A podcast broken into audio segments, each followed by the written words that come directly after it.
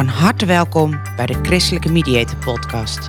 De podcast voor christenen die te maken krijgen met een scheiding. De gebrokenheid van het leven gaat aan christelijke gezinnen niet voorbij. In deze podcast geven we een stem aan alle christenen die in stilte worstelen met een scheiding. Ook besteden we aandacht aan de kinderen, die vaak machteloos aan de zijlijn staan. Een podcast waarin we de rauwe werkelijkheid onder ogen zien, informatie delen en hoop bieden.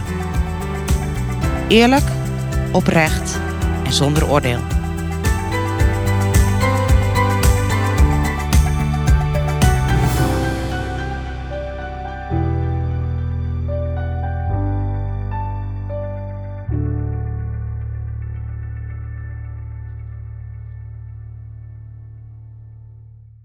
Welkom bij de Christelijke Mediator Podcast. Goed dat je luistert. Dit keer een podcast die in het teken staat van rouw. Want scheiden is hoe dan ook voor alle betrokkenen een rouwproces. Dat klinkt misschien een beetje gek, want hoe kan het nou een rouwproces zijn voor degene die de knoop heeft doorgehakt? Dus voor de partner die besloten heeft dat het zo niet langer kan. En toch is het waar. Voor alle betrokkenen is het een rouwproces. In deze podcast diep ik wat meer de verschillende fases van het rouwproces uit, zodat er nou wat meer duidelijkheid en begrip kan komen van, joh, maar hoe werkt dat nou eigenlijk? Probeer daarbij goed te blijven bedenken dat voor alle betrokkenen, dus ook voor eventuele kinderen en ook voor een opa en oma of een oom of tante, is een scheiding in meerdere of mindere mate een rouwproces. Een rouwproces die voor iedereen uniek is. Dus ik zeg in meerdere of mindere mate. Natuurlijk hangt het ervan af of het iemand is die zelf het leidend voorwerp in de scheiding is, of het is een oom of tante die je niet zo vaak spreekt. Als we dan kijken naar beide partners, dan hebben ze allebei de tijd nodig om de scheiding te verwerken. Je kunt je machteloos voelen, bitter, verdrietig, apathisch, woedend, eenzaam of juist heel opgelucht. Het verlies van de ander en het rouwproces wat daarbij hoort, verandert je leven ingrijpend. Volgens psychiater Elisabeth Kubler-Ross kan er zonder rouw geen nieuw leven worden opgebouwd. Om verder te gaan en opnieuw te kunnen beginnen, is het nodig om de scheiding een plaats te geven. En voordat ik wat meer vertel over dit proces, is het belangrijk om je te realiseren dat een rouwproces persoonsgebonden is. En dus voor iedereen anders verloopt. Elk mens doorloopt een rouwproces op zijn of haar eigen manier, op zijn eigen tijd en op zijn eigen volgorde. Tijdens een rouwproces wordt vaak duidelijk hoe persoonlijk dat wel niet is. En hoe persoonlijk het kan zijn omdat het proces meestal alles behalve synchroon loopt. Degene die de knoop heeft doorgehakt, is in de meeste gevallen al veel verder in het proces, omdat diegene al langer heeft nagedacht over de scheiding. De andere partner wordt er pas mee geconfronteerd op het moment dat zijn of haar partner meedeelt te willen scheiden. Van het een op het andere moment staat het leven dan op zijn kop. Alles wat vertrouwd was, wordt ineens onzeker alsof de bodem onder je voeten wegzakt. Omdat die verschillen zo wezenlijk zijn, dus de ene partner die de knoop doorhakt, die het besluit heeft genomen, zo kan het niet langer, wij gaan scheiden, die is in zijn of haar hoofd al verder in dat proces. En dat kan de communicatie nog meer op scherp stellen. Want hoe kan jij hier zo makkelijk luchtig over praten terwijl het zo heftig is? Dit kan niet waar zijn. Waar zijn jouw emoties? Ben je dan niet boos? Ben je dan niet verdrietig? Betekende het dan helemaal niks? Juist om die reden besteden we tijdens de gesprekken die we voeren met mensen die gaan scheiden ook altijd aandacht aan dit rouwproces. En ik ben er ook echt van overtuigd dat dat noodzakelijk is. Juist ook om wat Kubler-Ross al zegt, om verder te gaan en opnieuw te beginnen, is het nodig om te rouwen. Er is nog een element die rouwen bij scheiding extra complex maakt. En dat is dat de ander nog leeft. Bij een overlijden zal de ander nooit terugkomen. Terwijl je bij de scheiding die hoop wel kan hebben. En bij een overlijden is het niet de keus van de overledene geweest om te sterven. De overledene heeft er dus niet voor gekozen om jou in de steek te laten. En bij een scheiding ligt dat in ieder geval gevoelsmatig heel anders. Dan heeft jouw partner wel die knoop doorgehakt. En ondanks dat de kans dat de andere partner het gevoel had geen keuze meer te hebben en niet anders meer te kunnen, kan het wel voelen als een vrijwillige keuze. En een keuze die enorm veel gevolgen heeft. Als we dan kijken naar dat proces, dan wil ik je meenemen in de stappen die Kubler-Ross omschrijft. Acht verschillende fases in de rouwverwerking. De eerste fase is ontkenning. Want het komt vaak voor dat de scheiding in eerste instantie ontkend wordt. Ongeloof overheerst. Het kan niet waar zijn. Een reactie als mijn partner is zichzelf niet. Hij of zij is vast in de midlife of overspannen. Dat zijn veel gehoorde uitspraken. In deze fase ontken je de breuk in jullie relatie. Simpelweg omdat het niet waar kan zijn. Deze fase gaat ook vaak gepaard met angst. Zeker als er geen verklaring kan worden gevonden waarom de ander bij je weg wil gaan. Het is een vraag die echt goed uitgediept moet worden. Waarom gaan wij scheiden? Die antwoorden heb je nodig om verder te kunnen. Fase 2 is een fase die zich kenmerkt door boosheid. Langzaam dringt het besef door dat de scheiding er echt gaat komen. En dat besef leidt vaak tot onbegrip, boosheid, woede zelfs. Die verontwaardiging, de verontwaardiging dat jullie niet meer op één lijn zitten en dat die scheiding er gaat komen, kan zelfs leiden tot onredelijke standpunten of dreigende uitlatingen. Je kunt mij aan de kant zetten, maar dan zie je de kinderen. Nou, je kunt het vast zelf invullen. Gedachtes die in eerste instantie vanuit de woede opkomen. In deze fase voelt het vaak fijn om de ander tot boosdoener te bestempelen. De ander is de schuldige. En toch is het nodig om die boosheid niet te laten overheersen. Zodat je verder kunt komen in de verwerking van die scheiding. En hoe dan ook, laat de kinderen hier buiten.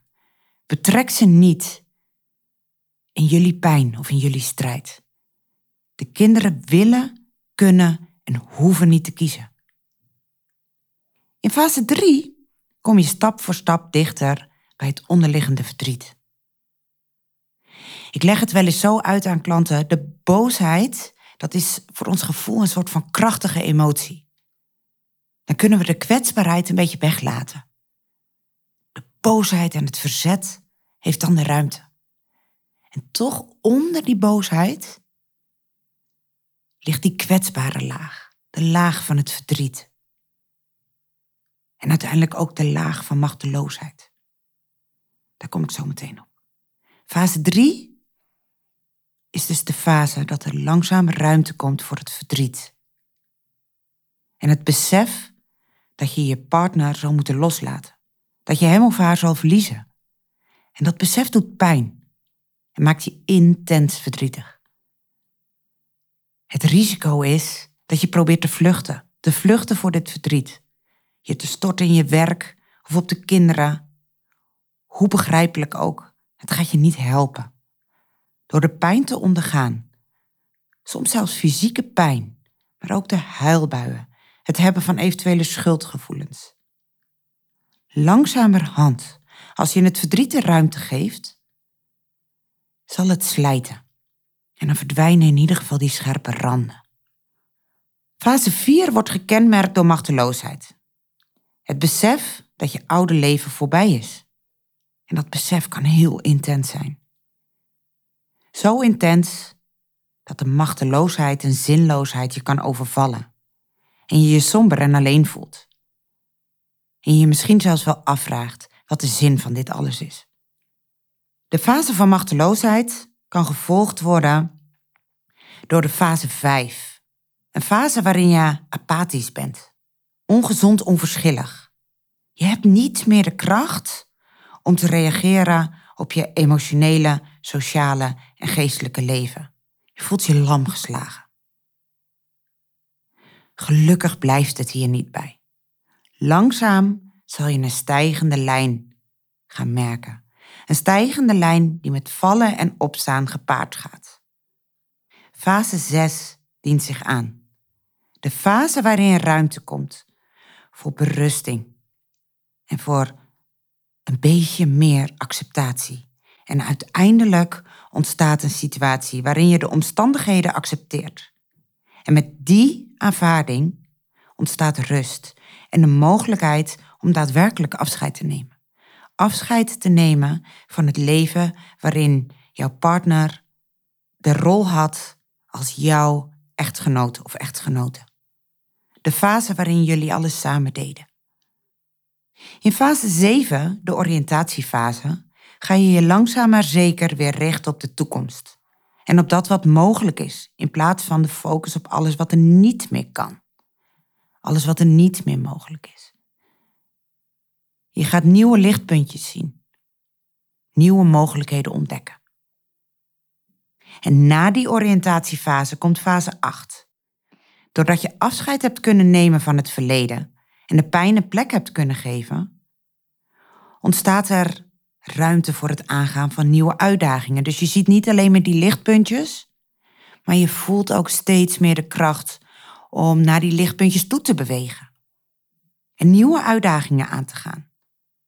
Je krachten hernieuwen zich en steeds opnieuw zal je merken dat het minder moeite kost. En dat je die nieuwe mogelijkheden wilt gaan uitproberen. Nou, tot zover de acht fases. En het klinkt natuurlijk prachtig, zo'n proces.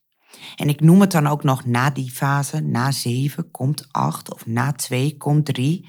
En toch is het niet zo'n mooi gestroomlijnd proces. Het is een grillig proces. Ook al lijkt het alsof je het keurig stap voor stap doorloopt, in de realiteit is het hard werken.